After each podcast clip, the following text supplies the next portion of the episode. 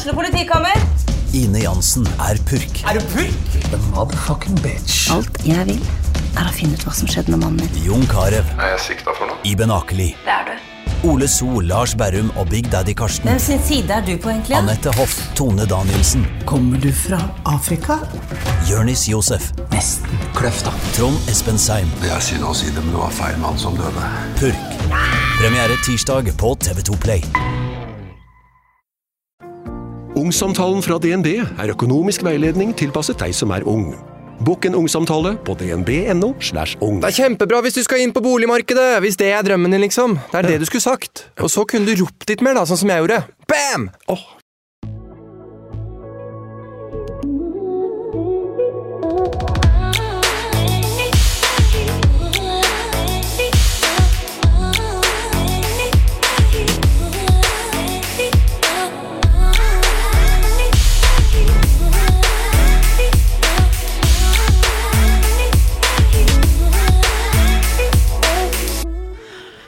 har sona 14 år i fengsel for medvirkning til overlagt drap på sine svigerforeldre og sin svigerinne på Orderud gård i 1999. Og hun mener fortsatt at hun er uskyldig. Da dette skjedde, var jeg bare ett år gammel, og det er først de siste årene jeg har blitt kjent med saken. Samtidig som jeg har blitt kjent med saken, så har jeg blant annet vært veldig nysgjerrig på spesielt én av personene.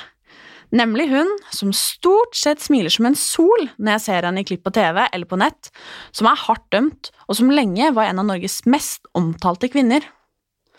Mange av dere vet nok hvem Veronica Orderud er, mye fordi saken hun har sonet for, var norgeshistoriens mest omtalte drapssak. Men Veronica er ganske mye mer enn den saken.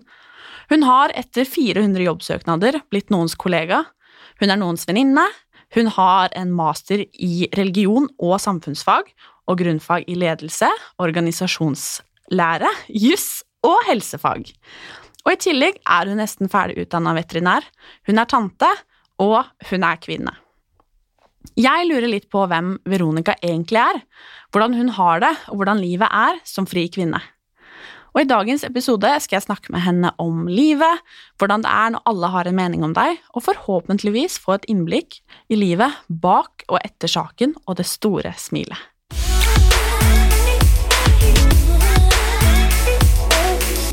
Velkommen, Veronica. Ja, takk. Takk for at du har lyst til å komme og snakke med meg. Og takk for at jeg fikk komme. Hvordan har du det? Jeg har det egentlig veldig bra. Mm. Jeg syns det. Eh, Jeg tenker at eh, noe av det du lærer deg da, når du på en måte blir frarøvet livet i 14 år, sånn som jeg ble, når du, når du blir satt i fengsel, det er jo det å sette pris på de små tingene. Sånn at jeg er veldig flink til å glede meg over at det, det nå blir lysere ute, for eksempel. Eh, at fuglene kvitrer, og solen skinner, og Jeg prøver liksom, Hver eneste dag så prøver jeg å på en måte stoppe litt opp og tenke over sånne småting, da. For det var jo nettopp de tingene jeg savnet i alle de årene jeg satt i fengsel. Jeg spurte deg litt før, men vi tar det nå, sånn ordentlig. Ser du på deg selv som feminist? Ja, vet du hva, jeg syns det begrepet er en ære, og jeg syns det er så hyggelig uh, å bli stilt det spørsmålet av, av unge kvinner. ja, for det har jeg opplevd flere ganger, og jeg syns det er så bra.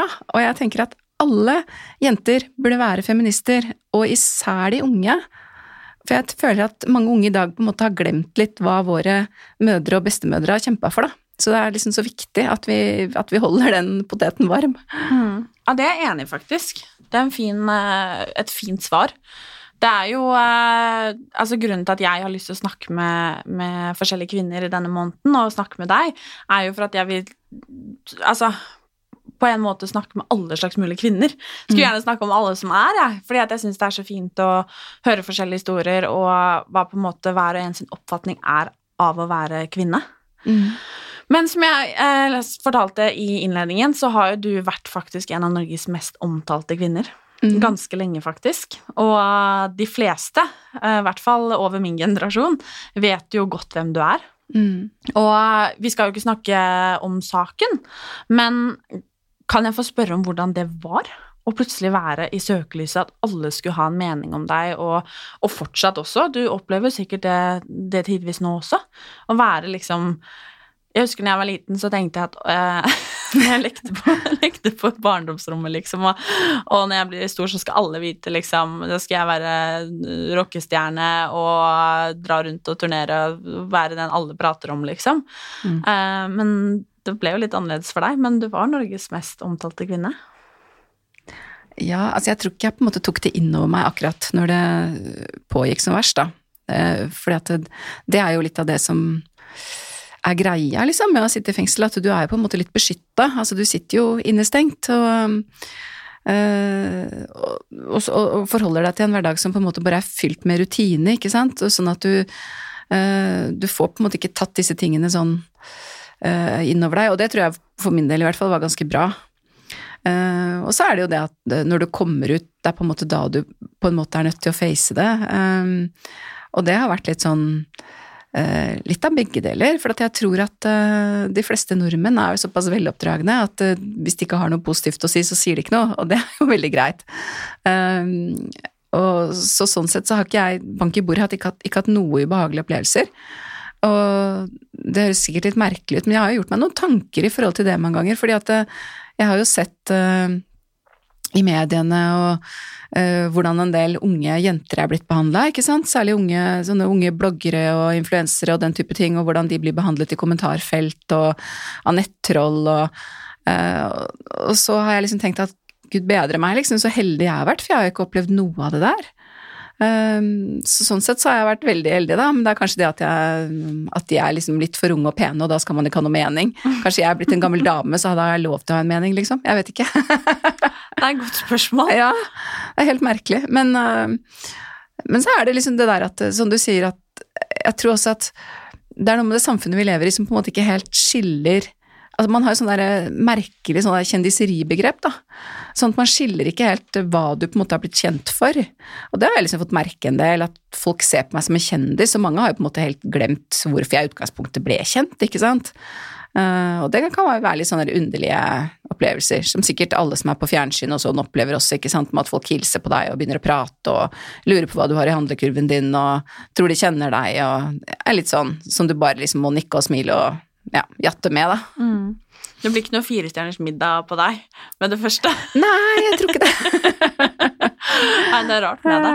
Ja. Men eh, du satt jo i fengsel i 14 år, Mm.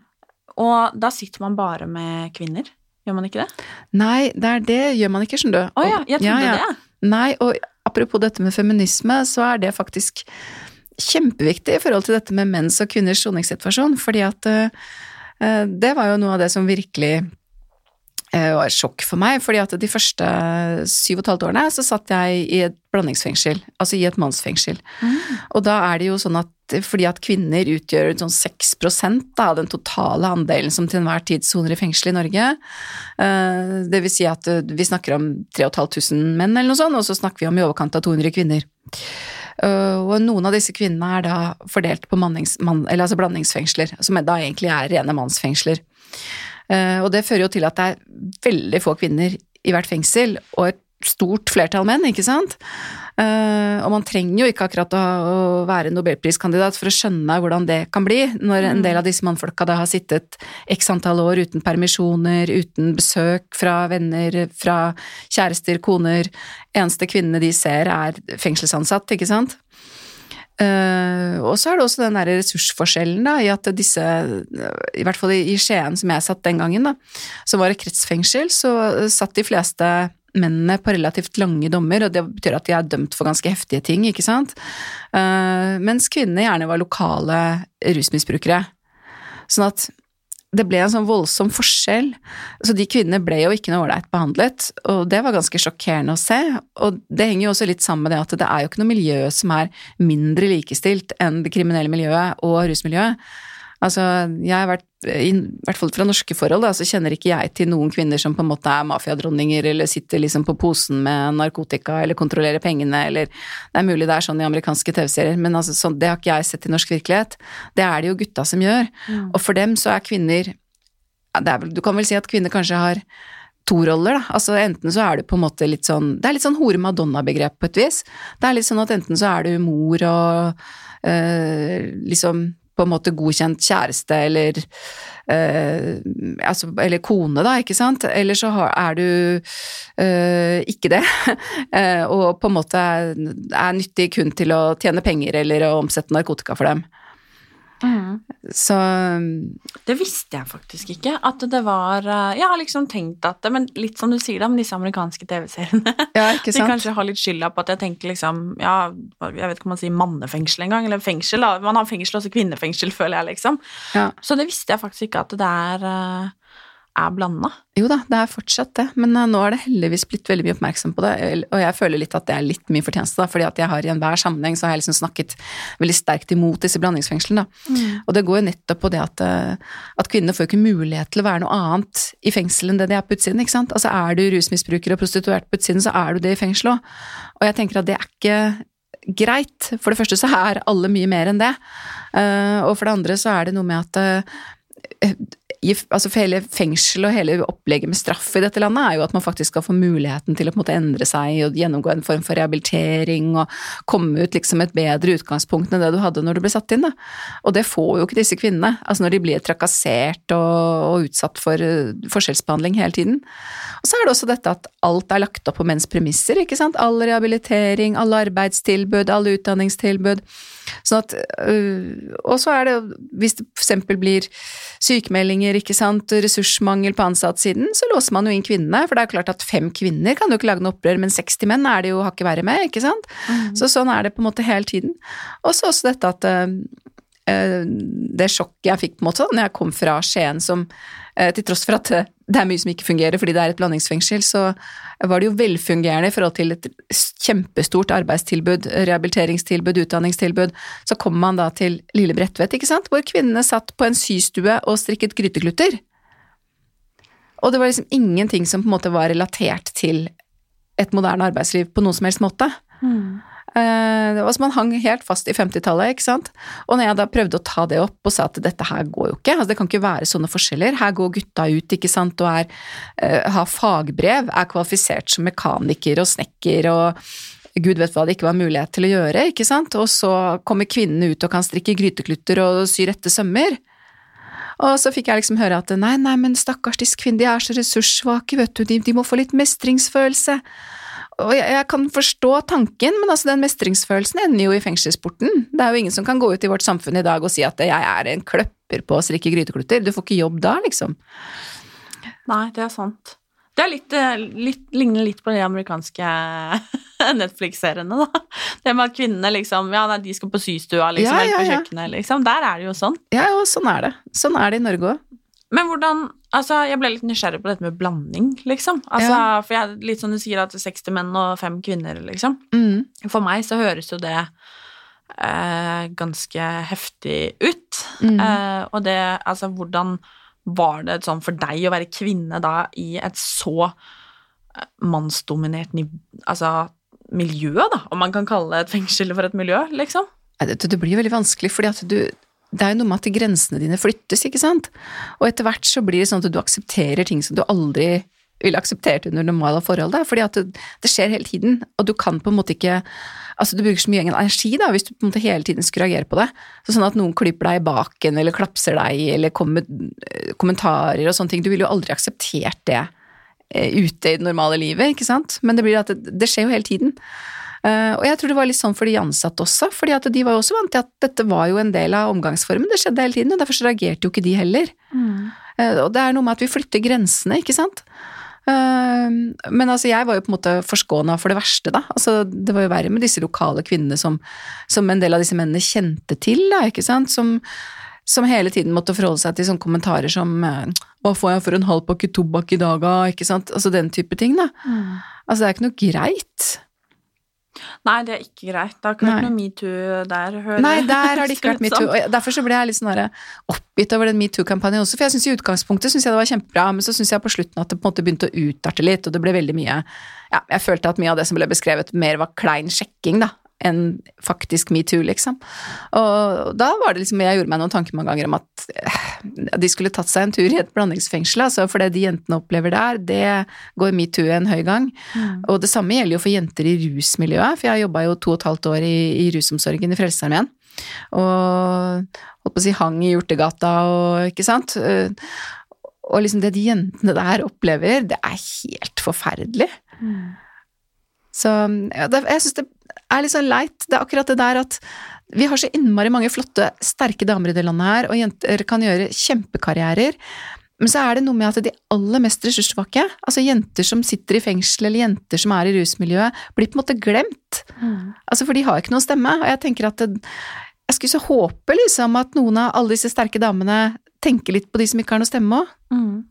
Jeg blir nesten litt sånn når du sier det, fordi sånn, altså, jeg visste jo ikke at det fantes blandingsfengsler engang, liksom.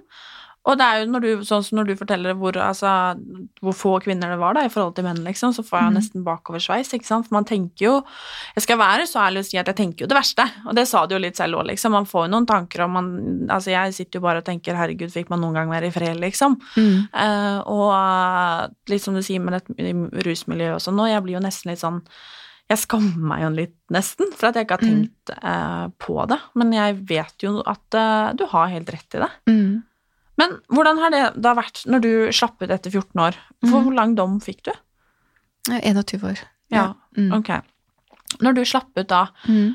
hva var liksom den største forskjellen fra liksom da vært i dette blandingsfengselet, vært da på systua, holdt jeg på å si, og til å da komme ut og bare være Veronica, liksom? Nei, altså det var jo selvfølgelig masse forskjeller. Eh, ja, jeg skal jo ikke stikke under en stol at du blir, du blir jo sær, ikke sant. Du blir jo, det er jo noe med at eh, Jeg tror de fleste sier sånn i begynnelsen, når du settes i fengsel og du på en måte blir isolert, da. Så er jo det fryktelig tøft, innmari vanskelig, for at mennesket er jo naturlig et flokkdyr, ikke sant. Vi vil jo gjerne tilhøre og være en del av noe. Eh, Men etter hvert så er det jo det å være for seg selv som på en måte blir det trygge. Og veldig mange sliter jo med det å være sosial i etterkant, ikke sant, fordi at eh, man trives så mye bedre alene, det er jo det man er vant til. Og jeg var nok litt sånn at, eh, at jeg på en måte følte at jeg kunne liksom ikke senke garden og være meg selv på en måte før den døra ble låst igjen, da. Eh, og det sleit jeg litt med når jeg kom ut. At, eh, og så hadde jeg noen venninner som var kjempevelmenende, ikke sant, som eh, skulle stille opp for meg og skulle på en måte ha meg med på alt. Sånn til de første månedene så var jeg jo helt utkjørt. Jeg var helt gående, ikke sant, for jeg var jo vant til å være alene store deler av tiden. Eh, I hvert fall eh, ja, altså mer enn to tredjedeler av døgnet også, ikke sant. Altså, på slutten så fikk jeg jo litt mer eh, frihet, da, ikke sant, for da var jeg på overgangsbolig og sånn, men jeg var jo fortsatt mye alene. Eh, sånn som på en måte da hele tiden skulle forholde seg til noen og være en del av et fellesskap, det var fryktelig slitsomt. Jentekvelder ble plutselig veldig Det var kanskje det man savna mest i starten, og så ble det det som var, liksom, tok mest energi. Ja, det var akkurat det, vet du. Så nei, det, det har krevd ganske mye også, å venne seg til det der igjen. Og jeg merker fortsatt at jeg blir litt sånn uh, utkjørt av å liksom være sosial hele dagene og være med kolleger og være sånn så Jeg har ikke mest behov for å være sosial etter at jeg kom fra jobb, liksom. Det har jeg ikke. Nei, men det har ikke jeg heller, bare så det er sagt. Nei. Nei, så det er jo det at man må ta seg selv i nakken og tvinge seg til det på et vis, da. Men øh, ja, så var det jo liksom det at utviklinga går jo så innmari fort. Sånn at Jeg husker jo når jeg ble eh, Altså før jeg kom i fengsel, så hadde jeg tror jeg hadde fått ganske ny mobiltelefon. Og den var jo selvfølgelig helt utdatert. Ja, fordi Hvilket år var det du slapp ut? Eh, skal vi se, det var uh, helt på begynnelsen i 2015. Da hadde Ja. jo iPhone og Apple hadde jo meldt sin ankomst, for å si det sånn. Mm, Nemlig. Og det var jo helt slutt på at du kunne kjøpe billetter på bussen og Ikke sant? Så Nei da, det var liksom en del ting å venne seg til, altså. Men altså, dette har jeg bare alltid lurt på. Det har verken noe med kvinner eller noe egentlig å gjøre.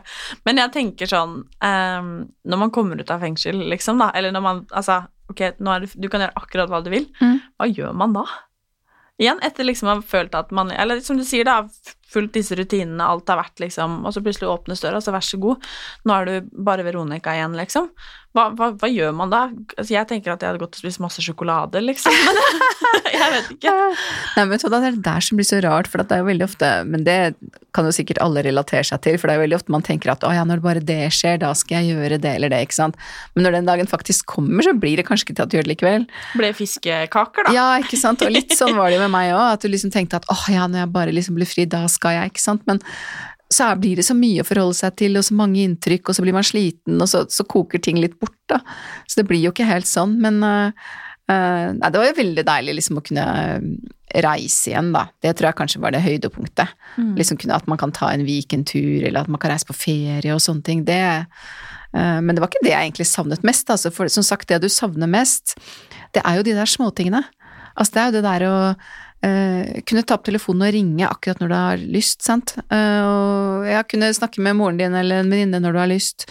Uh, kunne gå, gå ut om kvelden. kunne være sammen med familien din på høytider. Altså, det er jo sånne ting. Altså, du, du får virkelig øynene opp for hva som betyr noe, og hva som er viktig. Mm. Får man eh, venninner i en sånn situasjon som du har vært i? Um, ja, det er litt sånn både og, for jeg har jo fått noen venninner uh, som jeg fortsatt har, Uh, men det er klart det er veldig få. Uh, og så har jeg fått veldig mange bekjente, og så har jeg fått mange som Jeg vet ikke helt hvordan jeg skal si det, da. Som jeg, jeg vet ikke helt om jeg vil kalle de bekjente, eller for bekjente er det jo greit å ha kontakt med av og til, men så er det noen som i og for seg kanskje er bekjente, men som som man rett og slett ikke kan ha kontakt med, da, fordi at de fortsatt lever som rusmiddelbrukere eller som, som kriminelle, liksom. Mm. Ja, den ser jeg veldig. Men jeg tenker sånn, altså 14 år i fengsel. Du var jo en type kvinne når du kom inn i eh, Eller havna i fengsel. Eh, hadde du forandra deg som kvinne, bortsett fra at det var 14 år forskjell, da, eh, når du kom ut? Ja, det tror jeg. Altså, det jo, for det første så har det noe med alder og modenhet å gjøre òg, ikke sant. Fordi eh, jeg tror det er helt naturlig at du endrer deg ganske mye fra du er 27 til du blir ja, over 40. Uh, Ikke er si jo, det, da. jo, det, du gjør jo det. Eller det er kanskje like greit, jeg vet ikke. Ja, ja, ja, men så tror jeg også de fleste som er over 40 vil si at sånn mentalt så vil de jo gjerne være der de er nå. Men uh, det er jo klart i forhold til uh, kropp utseende og sånn skulle man jo gjerne vært 20, men uh, sånn er det jo bare. Men man vil jo gjerne ha med seg den modenheten som livet har på en måte gitt deg, da. Mm. men, men det er klart du endrer deg, og det har jo noe med at sånn under normale omstendigheter, da, hvis jeg aldri hadde havnet i fengsel og livet hadde på en måte bare vært helt A4, så hadde jeg jo aldri truffet alle de menneskene som jeg har truffet nå. Eh, og det har jo vært ganske mange uh, artige og ja, både artige historier, triste historier, altså det har jo vært så mye, ikke sant, det har vært så utrolig masse erfaringer. Uh, og det har vært masse som jeg har fått øynene opp for som jeg ikke ante, sant? som jeg ikke visste. Um, ja, altså for eksempel hva slags mennesker som stort sett sitter i fengsel, ikke sant, altså uh, hvem det er, eller- altså hvem vi setter i fengsel i dette landet, da, og på en måte også noe med at ja, vi setter mennesker i fengsel som helst skulle vært i psykiatrien, men der kan det ikke være, for den har vi bygd ned, ikke sant. Uh, altså det er en del sånne ting som jeg på en måte ikke ville visst. Jeg visste jo heller ikke at kvinner satt i blandingsfengsler eller i mannsfengsler. Uh, så jeg syns jo egentlig at, eh, at jeg har fått med meg mye. For det er, ofte så får jeg spørsmålet, vet du, at eh, Uff, liksom, stakkars deg, du, du, har jo ikke levd, liksom, du har jo mista så mye av livet ditt og sånn. Og jeg syns det er litt sånn underlig, litt sånn underlig betraktning, fordi at selvfølgelig så har jeg på en måte altså levd et helt annerledes liv enn jeg hadde gjort under normale omstendigheter. Og selvfølgelig skulle jeg helst sett at det hadde vært annerledes, men når det ikke ble sånn, så vil jeg jo ikke si at jeg ikke har levd. Altså, jeg har jo levd, bare at det har vært annerledes, og det har vært helt andre erfaringer. Men jeg tenker jo at vi blir på en måte et produkt av alle de erfaringene vi gjør oss, da. Det er sant.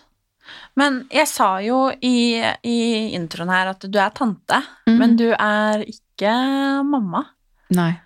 Har det vært et eh, frivillig valg, eller ble det på en måte sånn med tanke på livssituasjonen? Nei, det ble jo egentlig på grunn av livssituasjonen, da, fordi at det var jo selvfølgelig ikke aktuelt når man satt i fengsel. Og så Går det an å få barn i fengsel? Her? Kun, kunne man gjort det, liksom? Ja, altså, det går jo an, Ja. men uh, Jeg skjønner at det ikke ja. bare er å stoppe det, liksom. Eh, Nei, man ville vel antagelig fått noe, noe soningsavbrudd, vil jeg tro. Og så ville man vel kanskje fått noe lettere soningsforhold og noe tilrettelegging og sånn, da, fordi, fordi man har barn. Men man måtte jo ha sittet straffen uansett, altså. Så det, det er jo ikke noen måte å slippe unna på.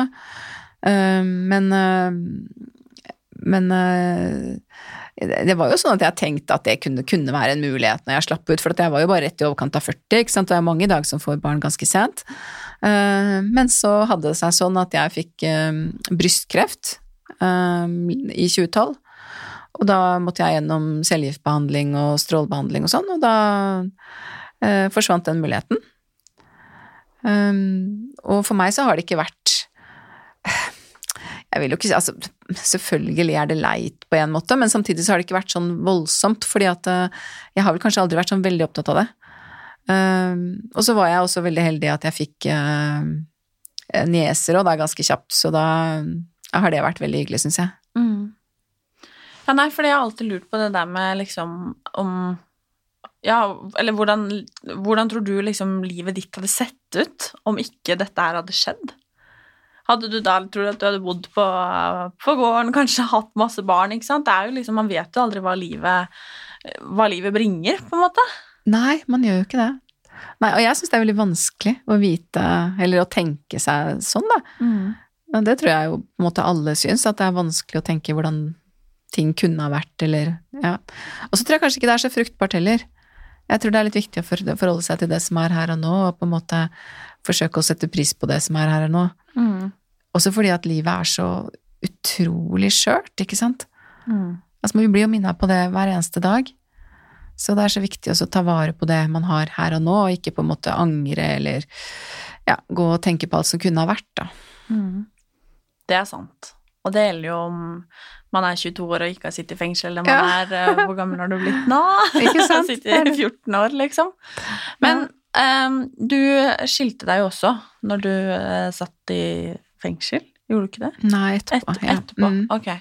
Eh, hvordan Dette har jeg ikke spurt om, jeg kan spørre om, da, men jeg, jeg håper at jeg kan det. hvordan, jeg tenker sånn Nå er det jo deg, liksom. Hvordan er Mm. det liksom å skulle liksom date og sånn når man Nei. kommer ut av Eh, fengsel? Nei, sånn? det har jeg ikke turt å prøve. Nei. Nei, jeg vet ikke helt. Jeg vet ikke, jeg syns det der er veldig vanskelig i det hele tatt. Jeg, jeg føler Du har gått glipp av Tinder og alt, da, Ja, ikke sant, og jeg føler egentlig at jeg ikke har vært Jeg tror ikke jeg har vært på noe date heller, for da jeg var ung, så tror jeg ikke vi kalte det date, liksom. Stevnemøte. Ja, det var litt mer sånn Ja.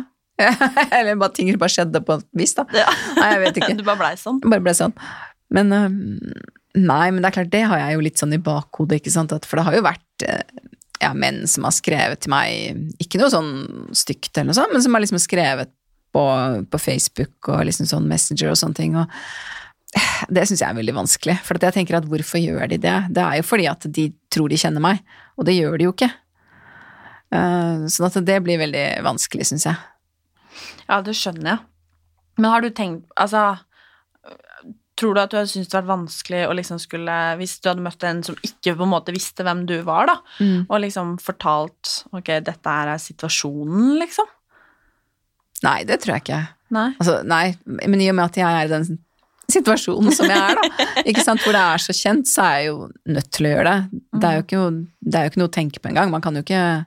Det er et Google-søk, liksom. Ja, det er akkurat det. Og, og sånn og det var jo min situasjon i forhold til det der å søke jobb òg, ikke sant. For det er klart at jeg har jo eh, venninner som jeg har sittet med som også er veldig ressurssterke, ikke sant, og, og som på en måte hele tiden kommer i det dilemmaet da, i forhold til jobb. Altså, skal de oppgi at de har sittet inne og sont en dom, eller skal de bare time det og så håpe at det aldri kommer frem? Fordi at de er jo livredde for at hvis de oppgir det, så får de sikkert ikke jobben. Men hvis det kommer frem på et eller annet senere tidspunkt, så mister de den kanskje, ikke sant? Så, så de sliter liksom med den problemstillingen hele tiden, og det var jo ikke mitt problem, kan du si. Sånn her er det faktisk bare. ja, ja, Ja. Men eh, du søkte jo 400 jobber. ja. Det er mye. Ja, jeg syns jo det var veldig mye, men øh, jeg har jo forstått, da, altså når jeg har snakket med, med folk rundt omkring, at det er jo folk som ikke har vært i min situasjon og ikke sittet i fengsel, som også har søkt fryktelig mange jobber. Ja, det har jeg også hørt, at det er mange som Ja. eh, beklageligvis er nødt til å gjøre det, liksom. Ja, ja, så jeg har jo skjønt at eh, dersom man ikke er well connected, holdt jeg på å si, da, med nettverk og kanskje foreldre som har stort nettverk og sånne ting, så, så kan det være veldig vanskelig, altså. Så, men det viktigste er jo at man bare ikke gir opp, da. At man bare står på og står på, og det syns jeg var, egentlig var tungt på slutten, det må jeg si.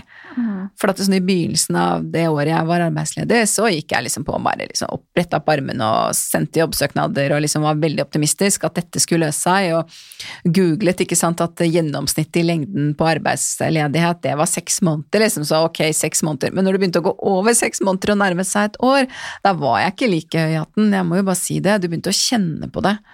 Ja, det forstår jeg. Ja. Men eh, hvordan føltes det da når du endelig fikk jobb, liksom? Fordi det, du fikk jo Altså, i hvert fall det første jeg tenker, at nei, du fikk jo sikkert ikke jobb fordi du hadde vært i den situasjonen du hadde vært i. Det var sikkert ikke fordi du er jo ganske kvalifisert, eh, høres det ut som, i hvert fall, med tanke på utdannelse og sånn. Hvordan var det da når du liksom fikk, fikk jobb, liksom? Åh, nei, det var- utrolig deilig. Det var altså så Det var så bra. Men igjen, da, ikke sant, så tilbake til det vi snakket om helt sånn innledningsvis, da, så hadde jo jeg gått og tenkt at ja, bare den dagen jeg får jobb, da skal jeg feire, liksom. Da, ikke sant. Men den ble jo ikke til det, da. Nei, Nei.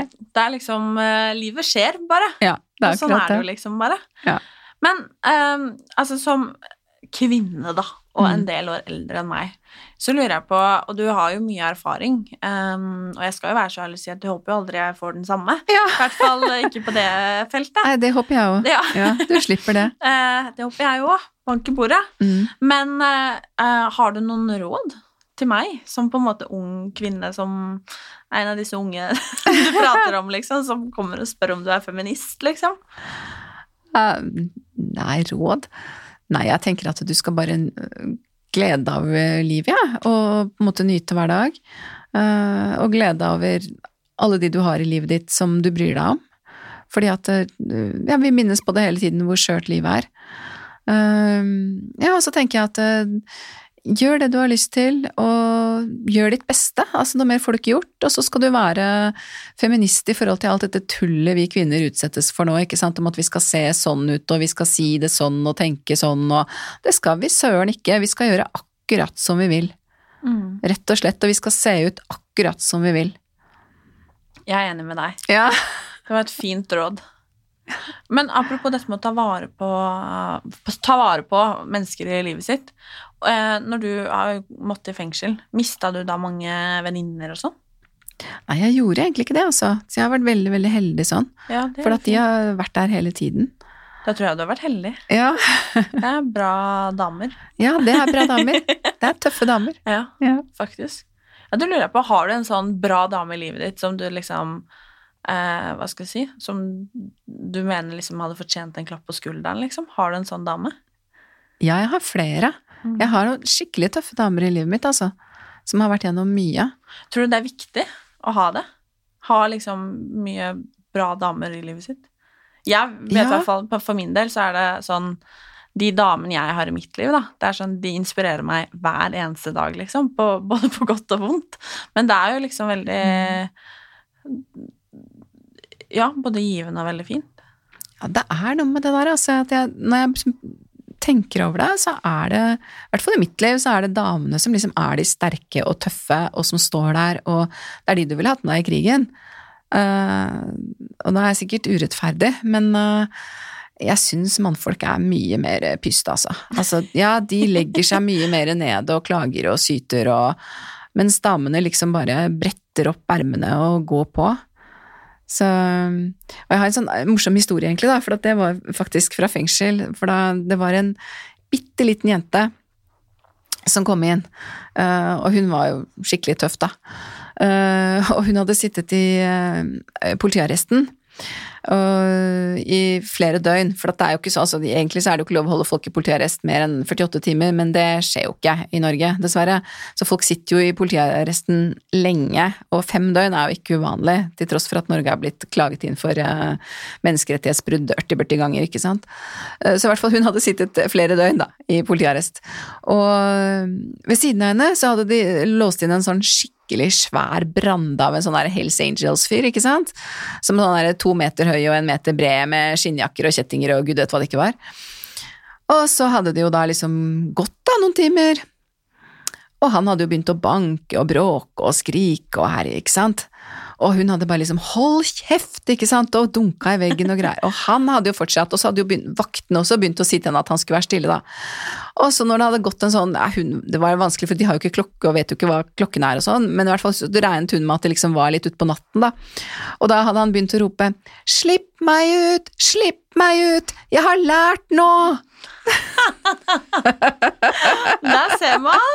Ikke sant? Ja. Jeg syns det er så betegnende, liksom. Det er ikke alltid de tøffeste gutta som er, eh, er de tøffeste. Det er ikke det, skjønner du. Det er ikke det. Det er gjerne de små jentene. Ja. Og det er viktig, det. Det er Ja. viktig med sterke jenter som bretter opp armene og eh, Hva skal man si Kjempeplass både for seg selv og for de andre. Det er Pippi, ikke sant? Mm. Jeg er enig. Ja. Enig. Har du et kvinnelig forbilde? Sånn typ Altså Bortsett fra Pippi. Ja. Jeg vet ikke, nå skal jeg komme på noen. type Michelle Obama, liksom? Eller har du noen sånne? Nei, egentlig ikke. Jeg syns det er så mange tøffe, sterke kvinner, jeg. Og i hvert fall i Norge så er vi jo kjempeheldige, for at vi har dem på en måte overalt. Det er jeg enig i, faktisk. Ja. Det er jeg veldig enig i. Så det eneste som jeg skulle ønske meg, da, det var det at, eh, at alle disse kvinnene som sitter i posisjoner og har kommet opp og frem, at de er litt flinkere til å så ikke trekke stigen opp etter seg, men å, å tvert imot liksom bruke alle sine ressurser på å hjelpe andre kvinner opp og frem. Det tror jeg Det er jeg veldig enig i, faktisk. Mm. Litt det der å Vi er flinke til å si sånn og heie på hverandre og legge ut eh, sånne Facebook-quotes og liksom Mm. Men vi er ikke like flinke til å gjøre det i praksis. Nei, og så Men selv oppegående, bra dame, liksom, kan av og til falle i sånne merkelige fallgrubler, da, i forhold til å liksom kritisere utseende og sånn derre tullete vas, liksom. Sånne uvesentligheter. Og jeg tenker at det, vi må holde oss for gode til det. Det er jeg helt enig i. Det er jeg veldig, veldig enig i. Mm. Men fordi, altså jeg, har, jeg tenker i hvert fall veldig ofte sånn når det kommer til sånn altså typ kroppspress og utseende og tjoe her, at eh, det, altså den dagen du begraves, liksom, da, så er det ingen som bryr seg om du hadde sixpack eller ikke, liksom. Nei. Eh, og jeg kan jo tenke meg sånn litt sånn, for det er jo, det er jo liksom Når du havna i fengsel, liksom, så spilte det kanskje ingen rolle om du veide det, eller om du veide det, eller om du hadde stormuskler her eller ikke der, liksom, eller Botox i panna eller ikke, liksom. Til syvende og sist så er det jo ikke det som betyr noe. nei, nei, nei, ikke i det hele tatt. Jeg tenker at det som betyr noe, er jo nettopp det du har på innsiden. Altså, det er jo den, det er jo den styrken du har i hodet, ikke sant? Altså hvor øh, øh, Ja, så hvor flink du er til å bruke dine egne ressurser, da. Ja, og så, ja, så er det den der evnen også til å, til å være litt god mot deg sjøl, ikke sant. Til å så på en måte tenke at du kan, du kan bare gjøre så godt du kan, og så gir deg selv den klappen på skulderen at ok, har jeg gjort så godt jeg har kunnet, så, så er det greit nok. Det syns jeg var en fin avslutning, jeg. Ja, Vi skal bli flinkere til å klappe oss på skulderen og si at det er greit nok. ja det er Ja. bra. Tusen takk, eh, Veronica, for at jeg fikk snakke med deg og eh, bli litt bedre kjent med, som jeg sa, dama bak den store smilet. Sitter og smiler her nå det var veldig fint. Og for at du lærte meg litt om blandingsfengsler. Ja. Jeg tror jeg må lese litt på det. Mm. Tusen, tusen takk.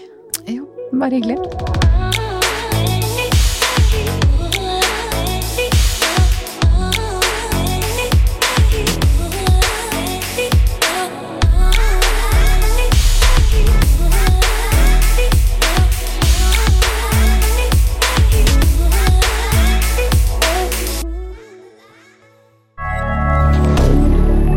Moderne media.